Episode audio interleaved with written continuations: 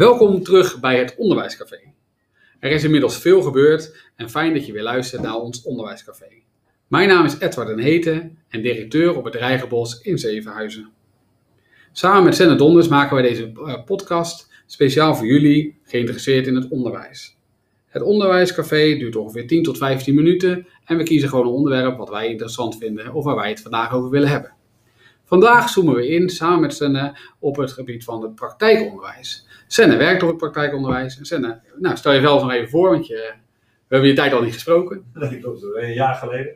Ik ben Senne Donders. Ik ben uh, directeur van het praktijkonderwijs uh, praktijkschool in Delft. En uh, vanaf 1 augustus vorig jaar werkzaam. Dus je bent overgestapt vanuit het reguliere onderwijs richting het praktijkonderwijs? Ja, klopt. Oké, en wat maakt dat, dat je deze overstap hebt gemaakt? Nou, ik, was, uh, ik werkte op, uh, op de basisschool ook al veel met leerlingen die, die naar praktijkonderwijs afstroomden. of doorstroomden, moet ik eigenlijk eerder, zeggen. Um, dus ik was al wel bekend met, met, de, met, met de populatie. Ehm, en we gaven op basisschool ook echt praktijkvakken, zoals koken en techniek. Nou, en dat, dat, dat wordt in het praktijkonderwijs wordt het alleen maar extra vergroot. En ja, het, het, het, het uh, stukje omgang met, met dit soort, met deze doelgroep, hè, die in een kwetsbare positie zit, uh, vind, ik het belangrijk om daar ook deel uh, van uit te maken om, om deze leerlingen zo goed mogelijk te begeleiden naar of arbeid of een vervolgopleiding. Mooi, we zoomen even in op die doelgroep. Wat is nou die doelgroep? Wie komt er nou terecht op dat praktijkonderwijs? Ja, ja het, is een, het is ten eerste het is een reguliere onderwijsvorm. Dus net als VMBO, HAVO, VWO is praktijkonderwijs gewoon regulier. En ja, als je een, uh, een advies krijgt voor praktijkonderwijs, uh, dan heb je een achterstand op leren. Uh, en je IQ zit tussen de 55 en de, en de 80, soms 85. Ja, en dat zijn de leerlingen die bij ons aanmelden.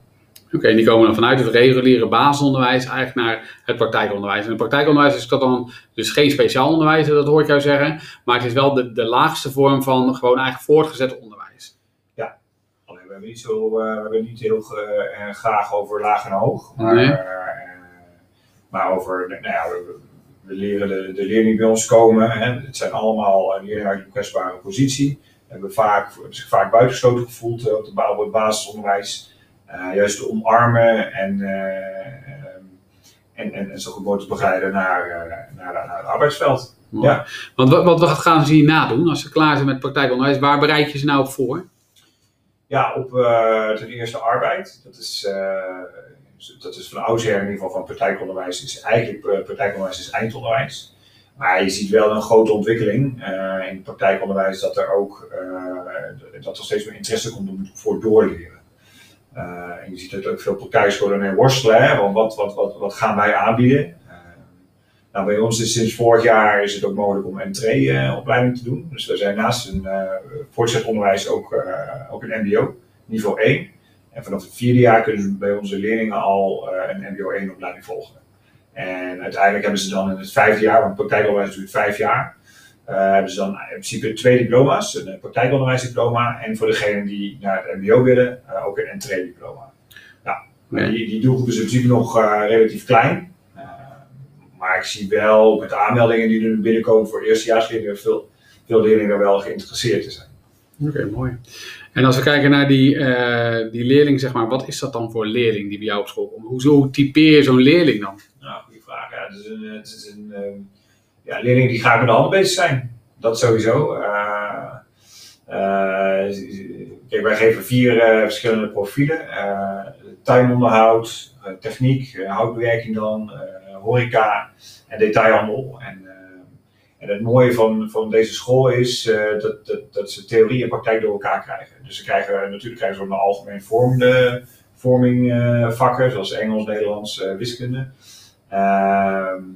Maar daarnaast krijgen ze dus ook alle praktijkvakken die ze doen. Ook een stukje arbeidstraining, een stukje sorteren, ehm, afwegen, inpakken, noem maar op je hebt ontzettend veel verschillende uh, gradaties zeg maar, van de leerlingen die binnenkomen. Iedereen heeft zo zijn eigen bagage die hij meeneemt. En daar proberen we ons weg in te vinden om, om die leerlingen goed te begeleiden. Het begeleiden doen we aan de hand van een groeiportfolio. Uh, aan het begin van het, van het schooljaar gaan de leerlingen hun eigen doelen samen met de ouders en met de leerkracht opstellen. En daar wordt dan steeds naar gerefereerd en geëvalueerd. En zo komen ze steeds verder. Wanneer, wanneer ben je dan tevreden? Wanneer heb je dan het idee van, nou, als ik nou aan het eind van die carrière kom van een praktijkonderwijs en die leerling is klaar, wanneer is het dan, ja, of het goed is, of hoe wil je dat dan noemen? Wanneer is het dan klaar? Nou, dat is het mooie van een praktijkonderwijs, want wij zijn in principe niet uh, geënt aan, aan, inspectienormen en dergelijke. We hebben natuurlijk wel inspectienormen, uh, maar die zijn niet uh, geënt op cijfers, op resultaten daarvan. Maar wij kijken juist heel erg naar die, naar die algemene ontwikkeling van de leerling. Daarom een stukje burgerschap ook ontzettend belangrijk. We werken het praktijkonderwijs ook met verschillende domeinen waar we aan moeten voldoen. Dus wonen, werken, vrije tijd. En daarna ook het stukje burgerschap. Dus uh, we leren de leerlingen echt zelfstandig uh, uh, te begeleiden als zelfstandig burger. Als ze bij ons klaar zijn. En sommigen hebben daar wat meer tijd voor. Dus we hebben ook, we hebben ook soms 16 leerlingen. Want ik zei net, het is vijf jaar praktijkonderwijs. Maar er zijn ook leerlingen die zijn 18 jaar en die zijn, zitten in het zesde jaar. En die hebben dan nog wel meer tijd nodig. En die krijgen bij ons ook een begeleiding. om, om om zich uh, klaar te maken voor de maatschappij. Maar dan zijn ze klaar voor die maatschappij. Wat gebeurt er dan daarna? Want dan gaan ze, komen ze uit, zeg maar. Je hebt, eh, dat eerste stukje geeft heel erg aan van, dan kunnen ze naar zo'n vervolgopleiding gaan. Maar dat is eigenlijk maar voor een kleine groep, eh, voor een kleine groep leerlingen. Maar wat doe je dan met de rest van de leerlingen? Wat gaan die dan doen? Ja, je hebt dus uh, arbeid als uitstroom, of beschut arbeid, of, uh, of een vervolgopleiding.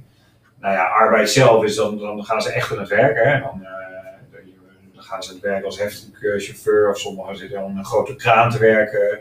Uh, sommigen gaan naar de horeca uh, en die, die, werken dan als, als, kok bij bijvoorbeeld Van der Valk. Noem maar op. en je hebt, je hebt leerlingen die beschutarbeid gaan doen.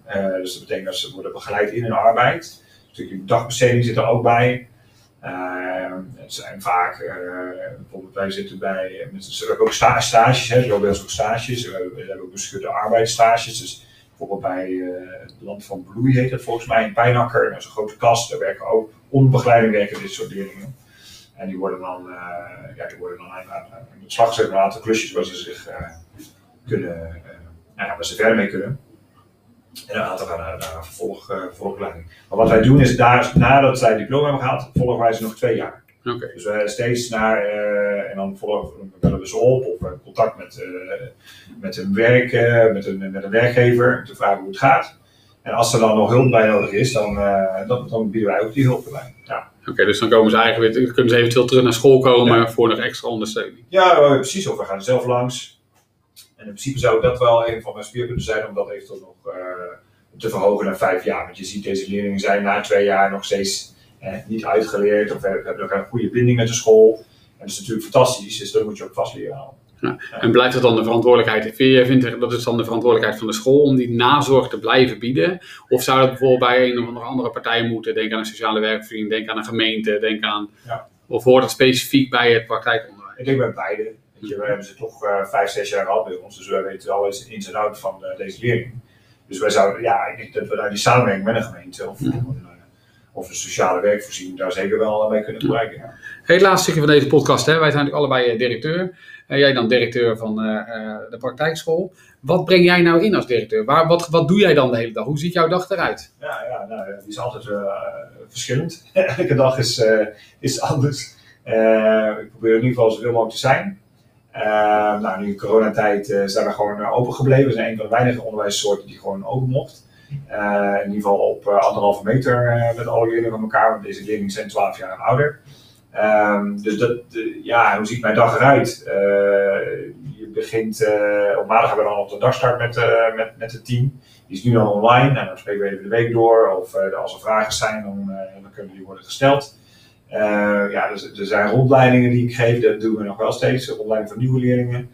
Uh, je bent bezig met het jaarplan, met jaarverslagen, een stukje formatie. Uh, je gaat op lesbezoek, je loopt langs, je gaat met leerlingen in gesprek. je vangt gesprekken op die, die wat meer zorg hebben. dus ja, de dag is snel gevuld. Mooi. Je gaf aan, hè, ik ben in augustus ben ik gestart op deze school. Dus je bent al aardig wat maanden op weg.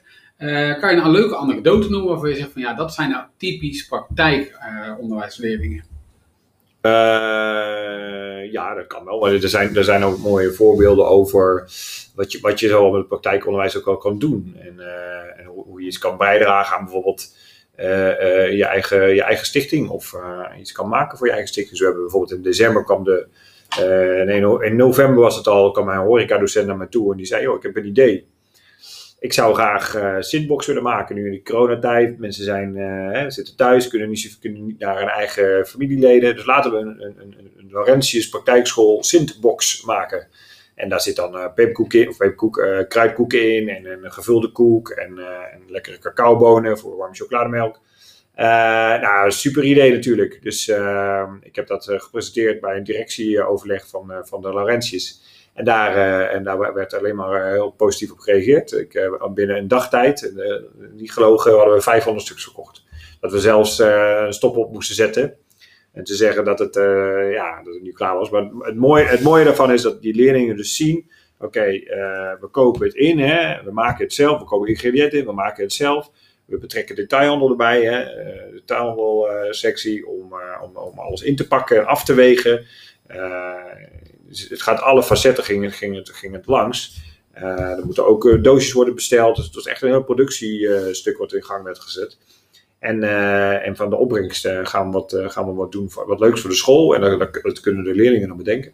Mooi. Ja. Wat een mooi voorbeeld. En ik denk ook, hè, nou, je, geeft eigenlijk, je vertelt heel veel met passie hè, over het prachtige praktijkonderwijs. Mooi om dat vandaag centraal te stellen in deze podcast van het Onderwijscafé. We gaan uh, volgende week natuurlijk, of over, misschien over twee weken, met het volgende onderwerp verder.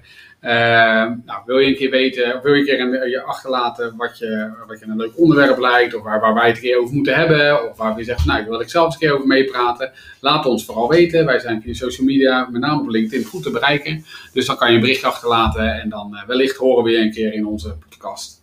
Bedankt voor het luisteren en graag tot de volgende keer.